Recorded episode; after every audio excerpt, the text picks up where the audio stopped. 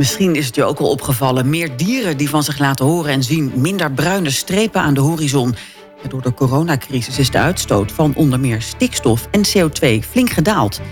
Maar nu we onverwachts toch op deze goede weg zitten, hoe kunnen we dan doorpakken richting de doelen van het klimaatakkoord? Zoals de CO2-uitstoot verminderen in de bebouwde omgeving. Ja, concreet, in 2050 moeten 7 miljoen woningen van het gas af. Op dit moment hebben we in Nederland meer dan 2,2 miljoen sociale huurwoningen.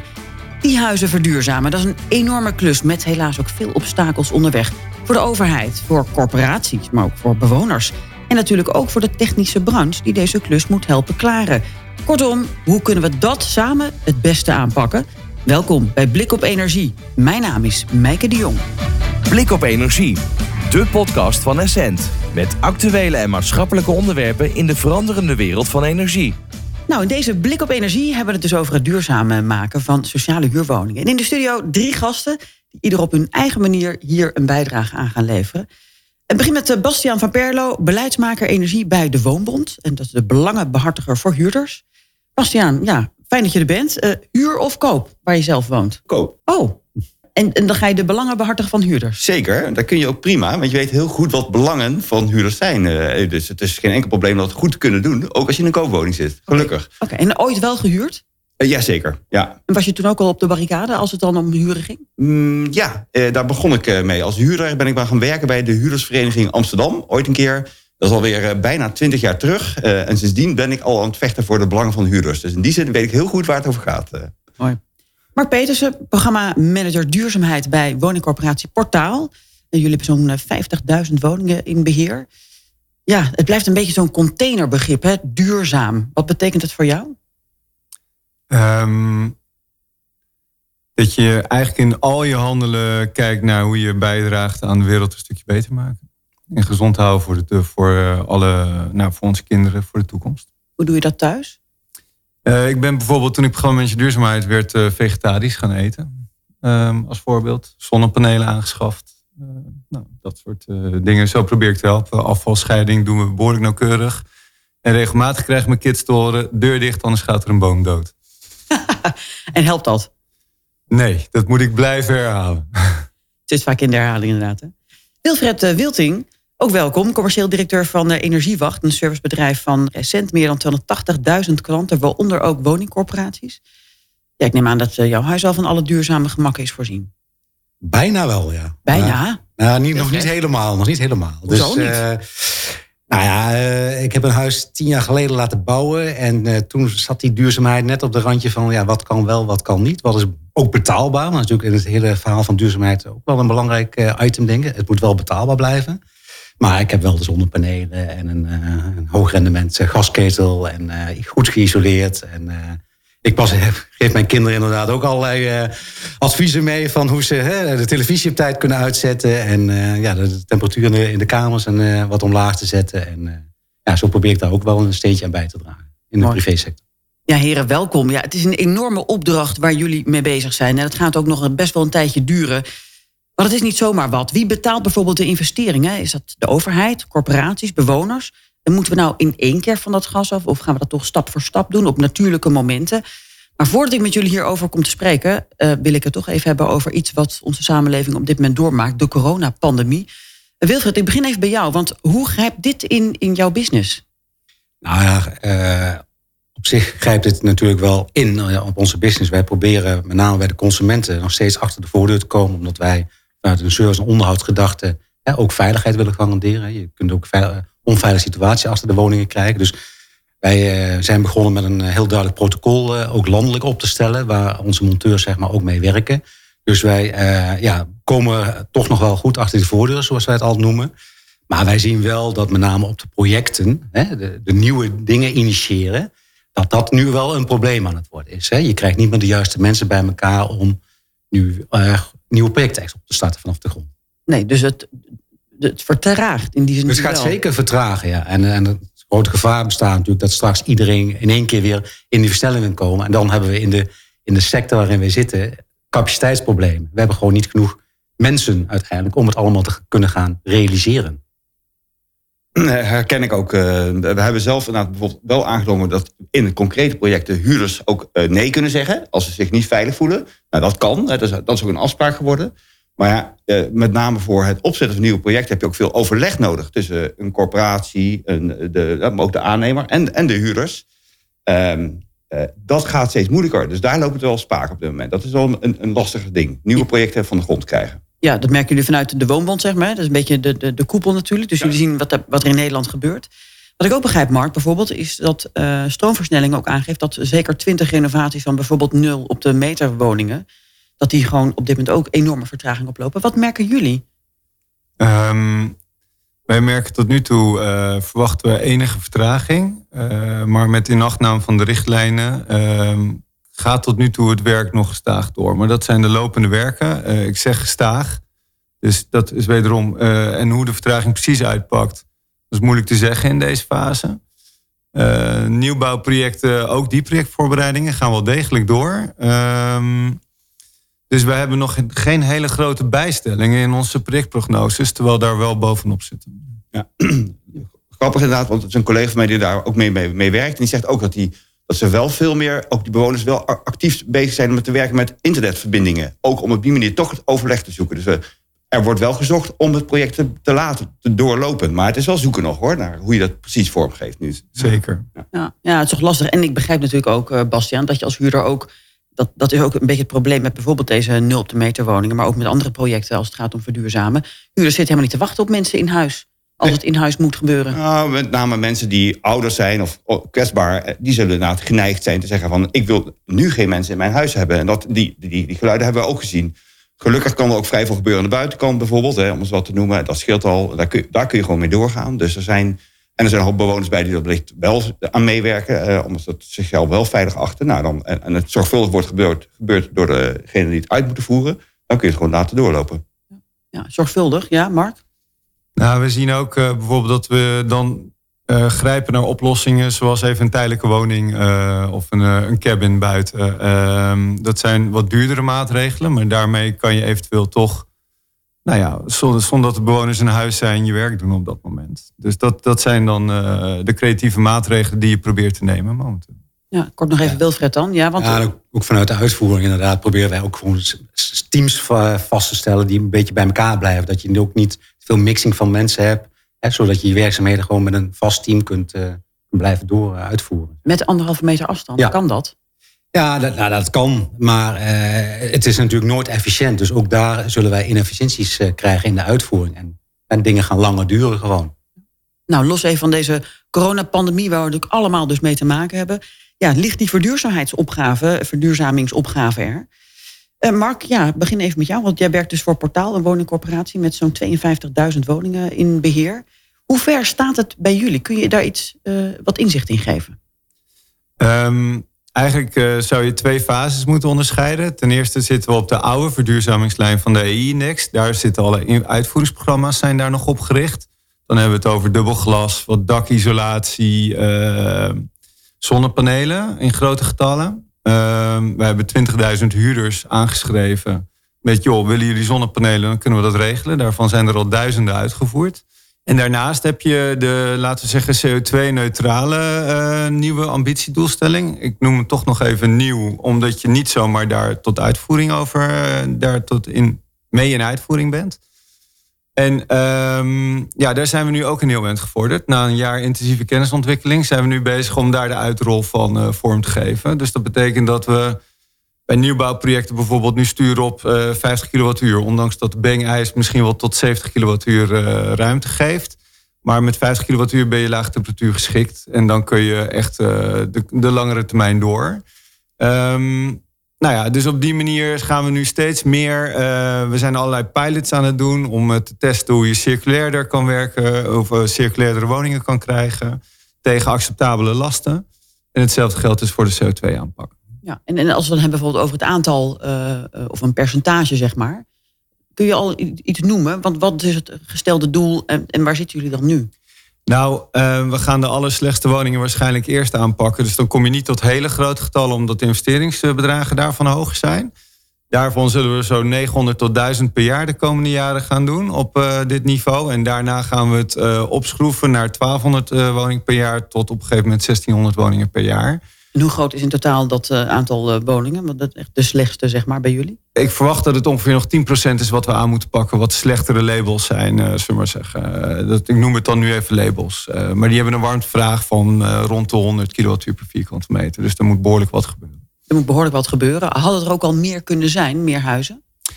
Ik denk niet dat we veel meer huizen nu al hadden kunnen doen. Omdat we aan de grenzen van ons kunnen ook op de EI-index aan het sturen waren. Dus in die zin hadden we een, een volledig uitvoeringsprogramma lopen.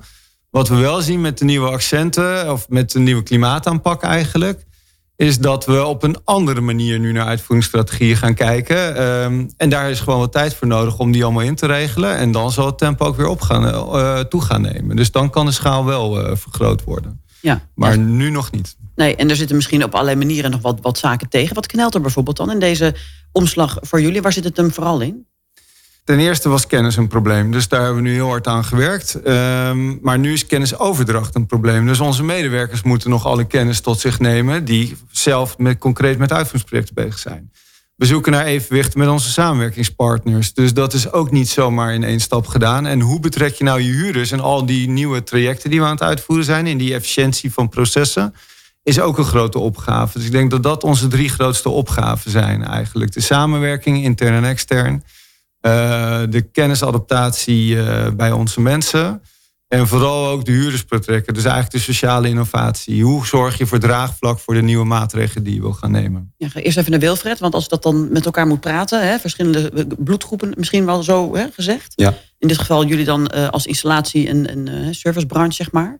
En woningcorporaties, is dat inderdaad lastig? Is dat jouw ervaring ook? Ja, dat is, zeker lastig. En, eh, en het verschilt ook heel erg per coöperatie. Dat moet ik, moet ik wel zeggen. Er is geen coöperatie die gelijk is. Dat moet ik uh, ook bekennen. Ook tussen de grote en de kleine zitten uh, echt wel verschillen. Dus de ene coöperatie is veel innovatiever. Is ook, hè, durft veel sneller dingen te ondernemen dan, dan de andere coöperatie. Die zegt van, wacht maar even. Ze zijn ook wel in een positie gedrukt, vind ik. Hè, van dat ze maar de, de versneller moeten zijn in, in deze markt.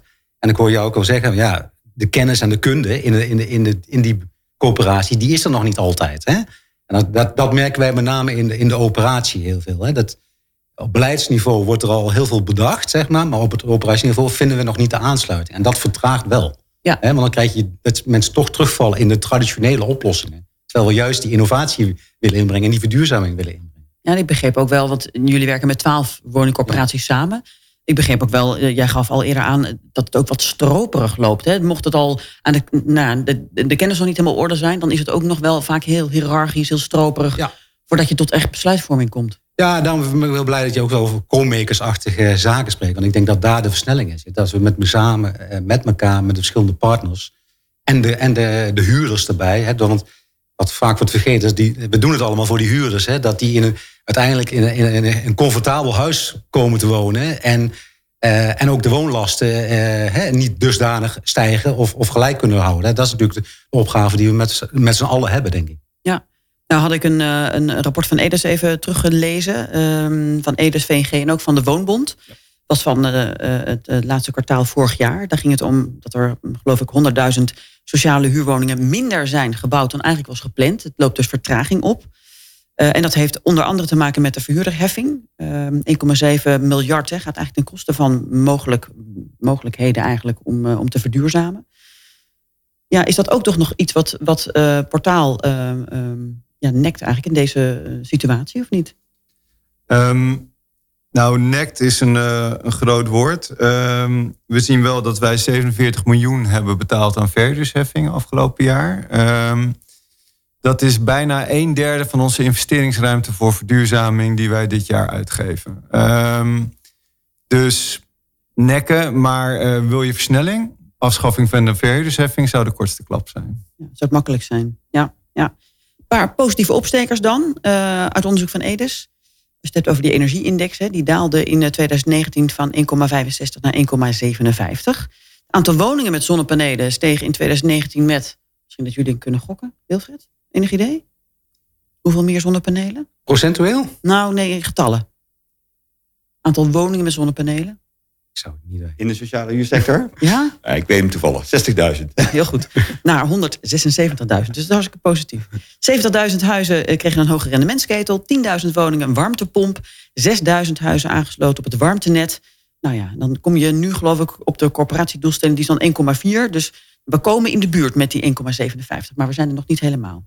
Uh, maar het gaat al een stuk beter. Um, er gebeurt dus inderdaad al een hoop, Wilfred. En dat merk jij neem ik aan ook. Jullie zijn denk ik ook vrij druk al inmiddels. Ja, we merken zeker uh, dat uh, de woningcoöperaties uh, druk bezig zijn om, om die duurzaamheidsopgaves en daar invulling aan te geven. Hè. Dus, en ook binnen ons bedrijf zijn we daar natuurlijk ook mee bezig. Wij, net zoals bij de coöperatie zijn we ook intern natuurlijk ook bezig om mensen met de nieuwe technieken, zeg maar, ja, te leren omgaan en, en kennis en kunde daarvan op te doen. Hè. Dus zowel aan de opdrachtgeverskant, maar aan de opdrachtnemerskant moeten we allebei moeten we daarin investeren. En dat hebben wij nu de afgelopen jaar ontzettend veel gedaan. En we hebben nu in, inmiddels binnen ons bedrijf zeg maar, alles en kennis en kunde aanwezig om alle maatregelen om te kunnen verduurzamen. Kunnen doorvoeren. Hè, van isolatie, uh, zonnepanelen, warmtepompen, allerlei andere ventilatietechnieken die er bij komen.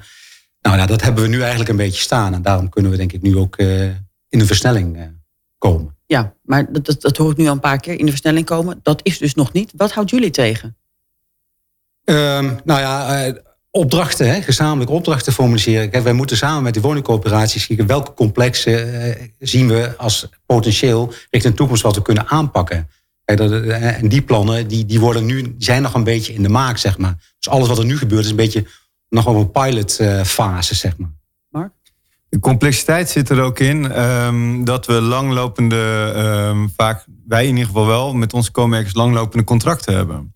En die uh, zijn gebaseerd op, nou, vooral HR-ketels plaatsen momenteel. En niet op warmtepompen. En wij hebben daar ook, uh, er zitten andere onderhoudslasten op een warmtepomp dan op een uh, cv-ketel.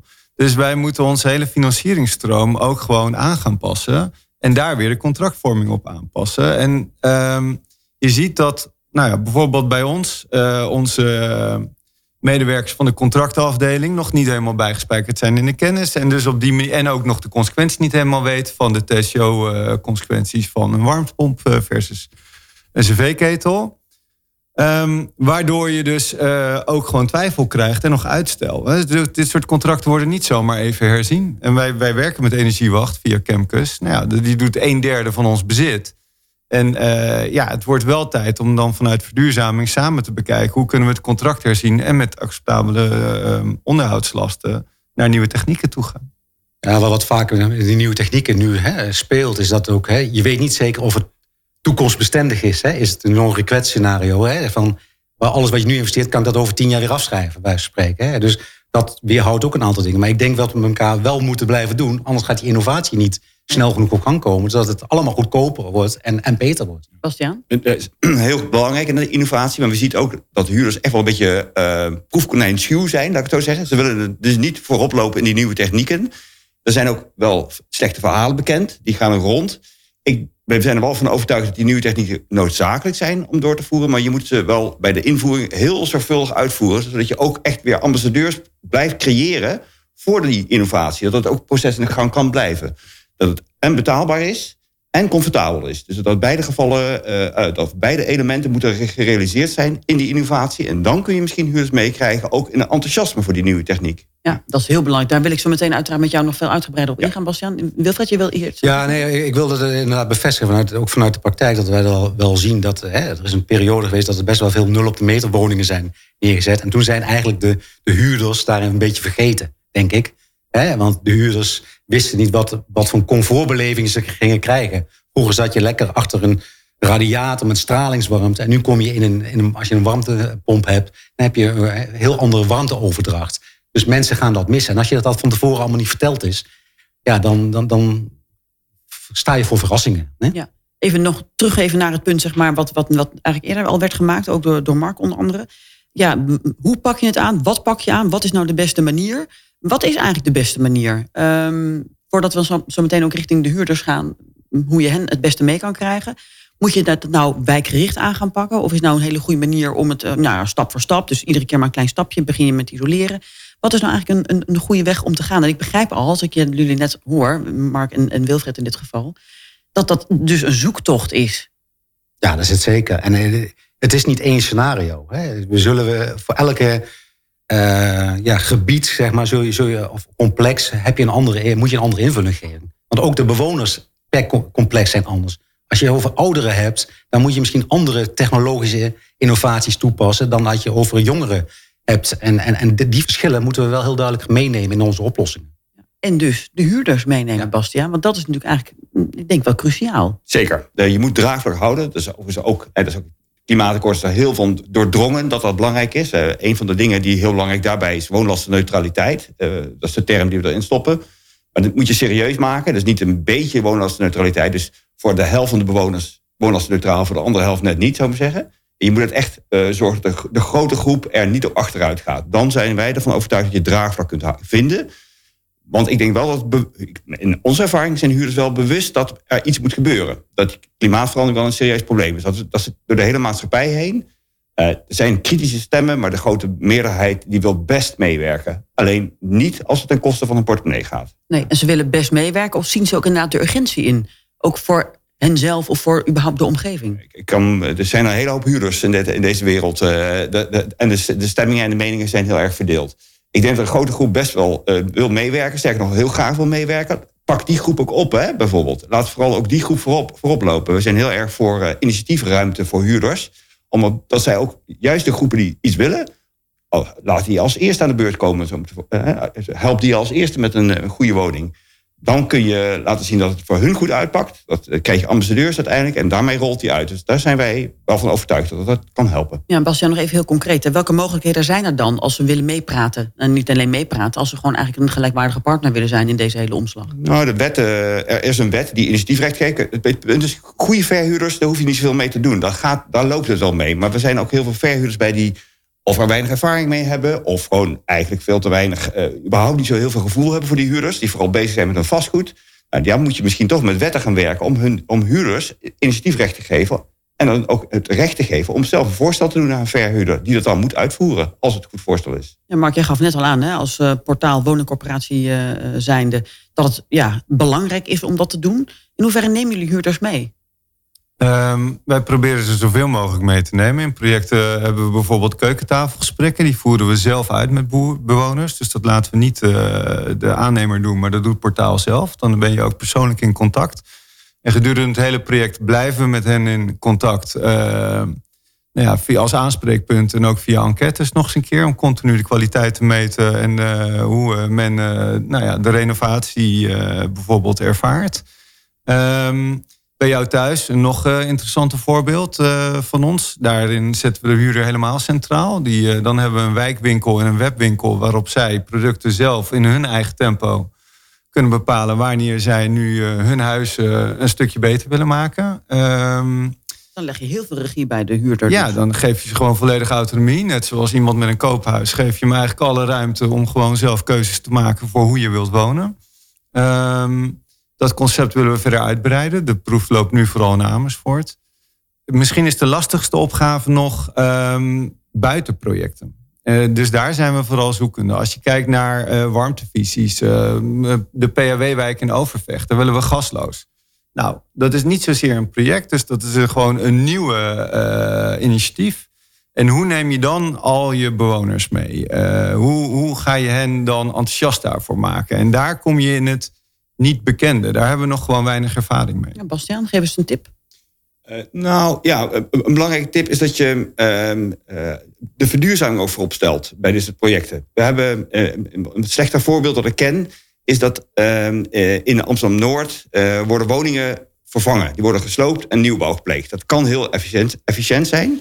Maar de corporatie gaat erbij uh, stellen van... als je een nieuwbouw pleegt en je gaat terugkeren... moet je wel weer in de inkomenseisen voldoen. Dus oude huurders die daar zaten kunnen dan niet meer terugkomen. En die moeten dan dus naar het omzien naar een andere woning. Of een veel, echt een veel hogere huur betalen. Dan krijg je die groepen, die keer je dan op dat moment zich tegen die verduurzaming. En dat is gewoon zonde, vinden wij. Je, zou eigenlijk bij dat soort projecten, ook bij sloopnieuwbouw... gewoon moeten niet meer moeten kijken naar die inkomenseisen. Gewoon moeten afspreken, als je wilt terugkeren... dan kun je terugkeren tegen dezelfde voorwaarden... als de bewoner met het lager inkomen.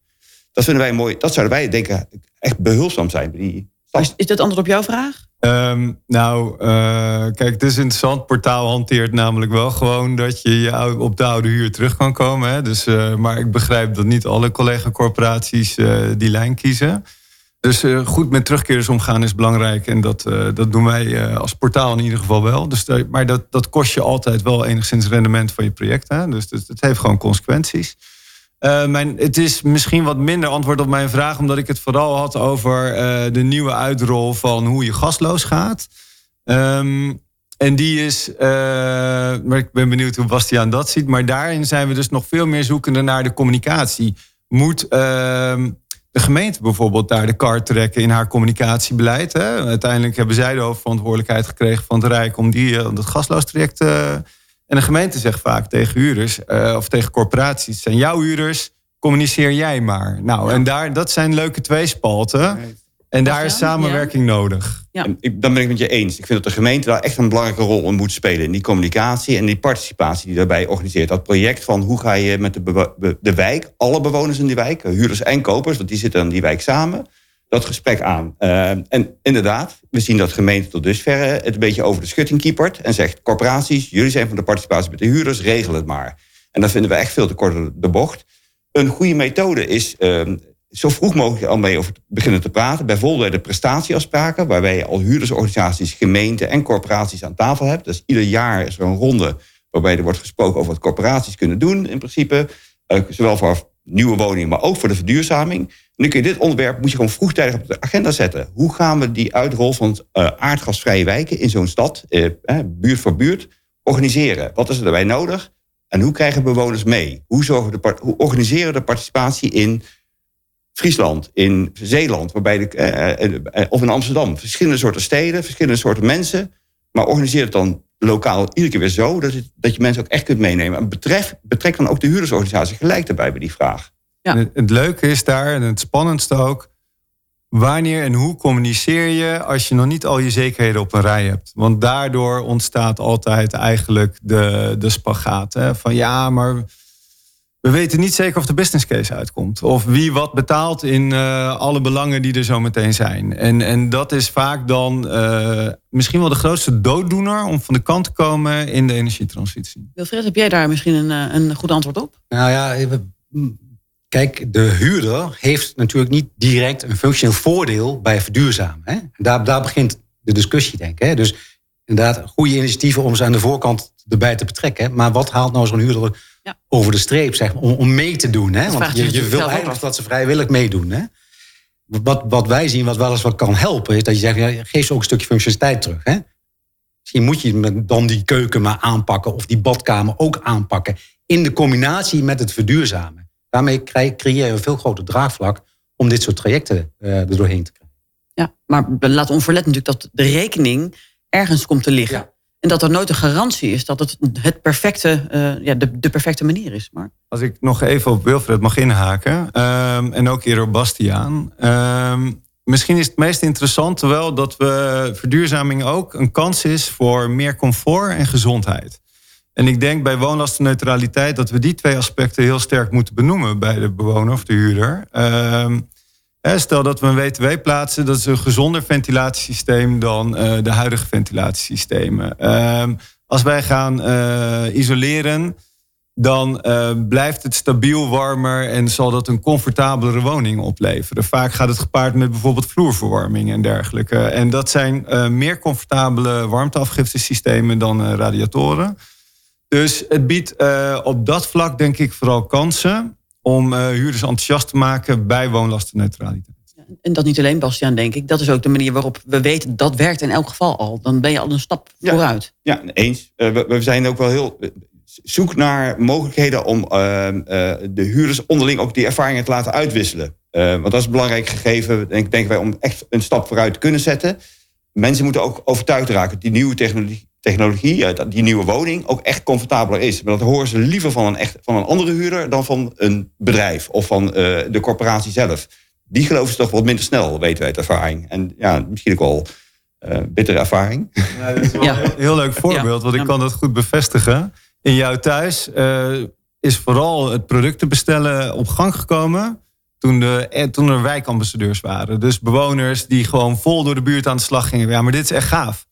En dat is precies wat je zoekt. Uh, dat levert het enthousiasme op. We hebben het ook, een mooi voorbeeld bij in Flevoland, hè, waar ze, uh, Oost-West Flevoland volgens mij, waar ze ook bezig zijn geweest met die energiemonitoren uitrollen. Hebben ze inderdaad heel bewust de huurders betrokken ook om te, te werken met een energiemonitor in huis. En die bewustwording van het energiegebruik helpt inderdaad mensen om ook te gaan nadenken: oké, dan ben ik ook bereid om inderdaad een verbouwing toe te staan. Omdat het mij inderdaad ook mijn portemonnee wat gaat schelen. Je moet, heel veel mensen kennen hun eigen energierekening nog niet zo heel goed hoor. Dat, dat moeten ze ook meer in de grip krijgen. Dat is wel een groot probleem. Energierekeningen zijn niet altijd even transparant. Eh. Nee. En, en, eigenlijk is het dus een hele goede manier als je op, uh, niet zozeer naar de rekening kijkt. Want die rekening zal niet per se omlaag gaan, per se, hè, voor huurders. Maar als je nou kijkt naar het comfort, of je kijkt inderdaad naar hoe ze op een andere manier ook zich mede verantwoordelijk voelen wellicht om nou, iets aan het milieu en hun eigen omgeving en hun eigen huis te doen. Dat ze er ook een beetje lol in krijgen, Wilfred. Leggen jullie dat ook voldoende uit als jullie bezig zijn in een huis bijvoorbeeld? Ja, nee, daar moet je heel veel uh, tijd aan besteden. Hè? Want die, die huurder krijgt echt wel iets nieuws. Hè? Dus uh, die moet je in, als je daar aanwezig bent met het installeren, moet je hem ook vertellen hoe zo'n installatie werkt. Hè? En dat wordt soms ook nog wel eens in deze markt wel eens vergeten. Hè? Zeker in de, nieuwbouw zien we dat, dat er heel snel seriematig dingen worden, huizen worden neergezet. En daarna worden huizen opgeleverd, maar de huurder weet eigenlijk niet wat ze in huis hebben staan. En dan komen ze vaak bij ons terecht van, hey, uh, hoe werkt dit eigenlijk? Wat moet ik nou doen? Hè? En mensen die dan warmtepompen s'nachts gaan afregelen, de temperatuur omlaag gaan zetten en dat soort zaken. Mensen weten het gewoon, dit onbekendheid. En, dus het begint al in het voortraject, neem ze mee. Maar op het moment dat je oplevert, moet je ze ook meenemen van hoe, ga, hoe werkt het en wat ga, ga je ervaren. Ja, Mark, als we eens kijken naar um, de mogelijkheden van, van nou ja, een beetje het tijdspad eigenlijk om, om dit allemaal te doen. En dan bijvoorbeeld in jullie portefeuille wat jullie hebben. Zou je dan inderdaad heel wijkgericht of juist wat meer stap voor stap zeg maar, deze uh, uh, verduurzaming moeten inzetten? Wat is jullie visie?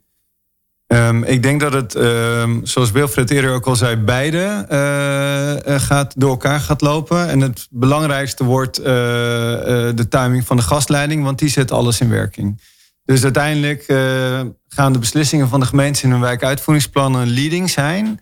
En uh, daarbinnen gaan wij dan kijken van oké, doen we dat dan stapsgewijs op het moment dat de gasleiding eruit gaat. Omdat we bijvoorbeeld aansluiten op een warmtenet, maar we nog niet onze complete renovatie hadden gepland op dat moment. Hè? Dus dan, en als we dat wel zouden doen, ga je echt kapitaal vernietigen, want dan staat het complex er te goed bij.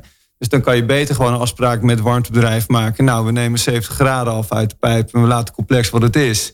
En laten we zeggen 15 jaar later, als het complex aan de beurt is om even de warmtevraag terug te brengen en verder te isoleren, dan doen we dat dan. Nou, dat heb je dan voor een stapsgewijze aanpak. Um, maar het kan ook zijn dat we juist kiezen voor in één keer dan uh, alle maatregelen te pakken, omdat het mooi op de natuurlijke momenten samenvalt. Ja, en dan begin je met isoleren. En dan uh, pakken we isolatie gelijk mee. Het kan ook zijn dat bijvoorbeeld de complex eerder aan isolatie toe is dan dat er een warmtevoorziening komt. Nou, dan pakken we de eerder de isolatie op en gooien later nog de installatie erin. Is dat een goede volgorde, Wilfred? Zo? Nou, alles begint natuurlijk met, met goed isoleren. Hè? Want je wil die energie in de woning uh, houden. Hè? Je wilt er zo weinig mogelijk energie insteken. Dus, uh, en wat wij vaak willen is natuurlijk de bewoners zo minimaal mogelijk belasten. Hè? Dus je wil liever in één keer alle maatregelen toepassen zodat je die woner eh, maar een aantal dagen eh, zeg maar, belast met, met, eh, met, de, met de installatiewerkzaamheden. Ja, en dan zoveel mogelijk in één keer. Ja. ja. Maar, maar dat is een, een soort van totaalconcept eigenlijk dan. Ja, nou, dat noemen wij ook in, in onze markt het wooneffect. waarin alle maatregelen zitten om tot de verduurzaming van een woning te komen. Isolatie, zonnepanelen, warmtezijdig inregelen, noem allemaal maar op ja. installatie. Bastiaan, ja. hoe kijken jullie daar tegenaan? Nou ja, op zich, wij hanteren ook de dooddoener en en. Hè, dus je moet zowel uh, individuele woningen aanpakken uh, en blijven op, bij mutatiemomenten bijvoorbeeld, als hele wijken tegelijkertijd aanpakken. Je kunt niet kiezen daartussen. Uh, en isoleren is hoe dan ook altijd noodzakelijk. Hè. Ook als je naar de wijkaanpak gaat, alle vormen van energie die erin stopt, dat gaat geld kosten. dus bezuinigen daarop, besparen daarop en ook besparen op de hoeveelheid energie die nodig is blijft nodig. Dus isoleren is stap 1, wat ons betreft, normaal gesproken wel. Ja. Dat moet eigenlijk gebeuren. Ja, Het klinkt dan wel leuk, hè? alles in één keer. Maar is, dat, is het geld daar überhaupt voor, eh, Mark? ik wou net de opmerking maken. Um, dus eh, eigenlijk hebben we al doorgerekend dat dat gewoon simpelweg niet kan. Dus wij zouden het natuurlijk willen. Je wil de bewoner gelijk, want je wil alles nu. Maar uh, de, de waarheid is dat wij, uh, laten we zeggen, een nou ja, een vaste investeringsstroom beschikbaar hebben per jaar, ongeveer 150 miljoen, eh, de komende 30 jaar. Nou, dat is in totaal opgeteld hartstikke veel geld. Maar je kan dus niet alle woningen tegelijk aanpakken. Dus wij beginnen met de slechtste eerst en dan pakken we er 900 aan. En iedere keer als we woningen aanpakken, beginnen we ook met isolatie. Maar het kan gebeuren dat de wijkaanpak op een gegeven moment bij ons voor de stoep staat. En dat we dan nog niet hadden gepland om de woningen te isoleren. En dat is het voorbeeld wat ik net gaf. Dus je zult hybride en flexibel moeten zijn om daar dan mee om te gaan. En eigenlijk moeten wij alle uitvoeringsstromen, nou niet moeten, dat gaan wij ook doen. Alle uitvoeringsstromen die we hebben, dus ook bij mutatie bijvoorbeeld, uh, moet je gaan optimaliseren om je energietransitie uiteindelijk vorm te gaan geven. Je moet al je middelen in gaan zetten. Um, en het is aan ons zaak om dat gewoon goed te professionaliseren, zodat de bewoner er zo min mogelijk last van heeft. En dat we het toch allemaal in onze investeringsstromen kwijt kunnen. Ja, die, die investeringsstromen, kijk, daar, daar, kunnen natuurlijk veel meer marktpartijen ook bij ondersteunen. Hè. Het hoeft natuurlijk niet allemaal vanuit de coöperatie gefinancierd te worden. Hè. Dus ook hè, partijen als, als wij zijn bereid om misschien wel mee te investeren in bepaalde installaties. Hè, volgens een bepaald TCO, hè, de Total Cost of Ownership principe, zeg maar. Zodat je hè, over 15 jaar lang een, een uh, gemiddelde kost hebt, zeg maar. En dat kan misschien een coöperatie ook helpen om toch die versnelling ja, te versnellen. Daar ga je elkaar dus een beetje vinden. Ja. ja. Doe je dat al vaker op deze manier of niet? Mark? Um, doen we nog niet veel, maar het is zeker een interessante ontwikkeling om uh, met elkaar te bespreken. In de stroomversnelling hebben we bijvoorbeeld nu uh, een uh, zo'n contract afgesloten met onze installateurs, die dus eigenaar hebben, eigendom hebben van de installaties. dus het, het gebeurt al wel tegen een vaste onderhoudsprijs. Ja, maar, maar voorzichtig. Daar zitten hele grote kansen, dus daar zijn we geïnteresseerd in om verder te verkennen. Heel goed. Tot slot dan, heren, een rondje tips. Want ja, uh, en dan niet te aardig voor elkaar. Hè? Het mag best wel een beetje kritisch zijn, want het is nogal een opgave die we hebben. En we hebben elkaar heel hard nodig. En het is ook niet per se een persoonlijke tip, als wel de organisatie die je natuurlijk vertegenwoordigt. Uh, Bastiaan, ik begin met jou. Wie van de heren hier zou jij een tip willen geven? Um, dan geef ik de tip aan Mark, uh, de corporaties. investeer rustig over je randje heen, wat ons betreft. stop het geld dat je hebt er, er nu in. En ga dat uitspreiden over al die jaren heen. We hebben het gezien in het verleden. Bij de invoering van de verhuurderheffing is er echt geknepen op de investeringen. Blijf nou doorgaan met investeren, zelfs als de tijden wat moeilijk zijn. Stop er eigenlijk misschien wel meer in dan formeel mag. Uh, dit is uiteindelijk gewoon noodzakelijk. En daarmee zetten we uiteindelijk ook de overheid onder druk om te laten zien dat er wordt geïnvesteerd en dat er geld dus nodig is. Dus er moet centen op tafel komen, ook de, de corporaties. Wilfred. Ja, ik zou zeggen richting de, de bond zeg maar, van, van huurders van ja, neem bewoners al vroegtijdig in de communicatie mee van wat verduurzaamheid betekent. Hè? Wat betekent dan voor een bewoner? Tel ze dat gewoon. Draag dat uit, flyers, communicatie, e-mails, noem maar op. Dus dat, dat, zou een van mijn tips zijn aan een woningcorporatie. Van, kijk of het mogelijk is om die verduurzaming... of een soort één single point of contact te krijgen binnen een corporatie... waarmee hè, wij kunnen praten, zeg maar. We hebben nu het idee dat we binnen de corporatie met heel veel lagen en schijven... en kolommen moeten praten om tot iets te komen. Mark? Dat is leuk. Ik heb twee tips. Ten eerste eh, voor eh, Wilfred. Uh, ik zou ook juist de branche, hè, dus de installatiebranche en ook de aannemersbranche willen uitnodigen om in procesinnovatie te denken. Samen sneller en slimmer. Um, en naar de Woonbond zou ik vooral ook uh, willen benadrukken dat de sociale component, dat hoef ik er natuurlijk ook niet uit te leggen maar doe het samen met de huurder. En misschien is dat dan ook eigenlijk voor de marktpartijen belangrijker. Dat je moet leren dat je hand in hand met de huurder uh, uh, je energietransitie tegemoet treedt. Zodat je vanuit draagvlak kan opereren en daarmee ook je procesversnellingen voor elkaar krijgt. Mooi. Er zijn een paar tips waarvan ik denk dat jullie voor elkaar hele goede tips hebben. Maar luister ook vooral inderdaad naar tips die je hebt gekregen. Want dit is een opgave die natuurlijk gezamenlijk zal moeten gebeuren. Want anders komen we er nooit in 2050 met 7 miljoen huizen CO2-neutraal. Heren, dankjewel. Leuk dat je luisterde naar Blik op Energie. De podcast van Essent met actuele en maatschappelijke onderwerpen in de veranderende wereld van energie. Alle afleveringen vind je via jouw favoriete podcast-app. Bijvoorbeeld op iTunes en Spotify. Maar de podcasts zijn ook terug te horen via onze website essent.nl slash blik op energie.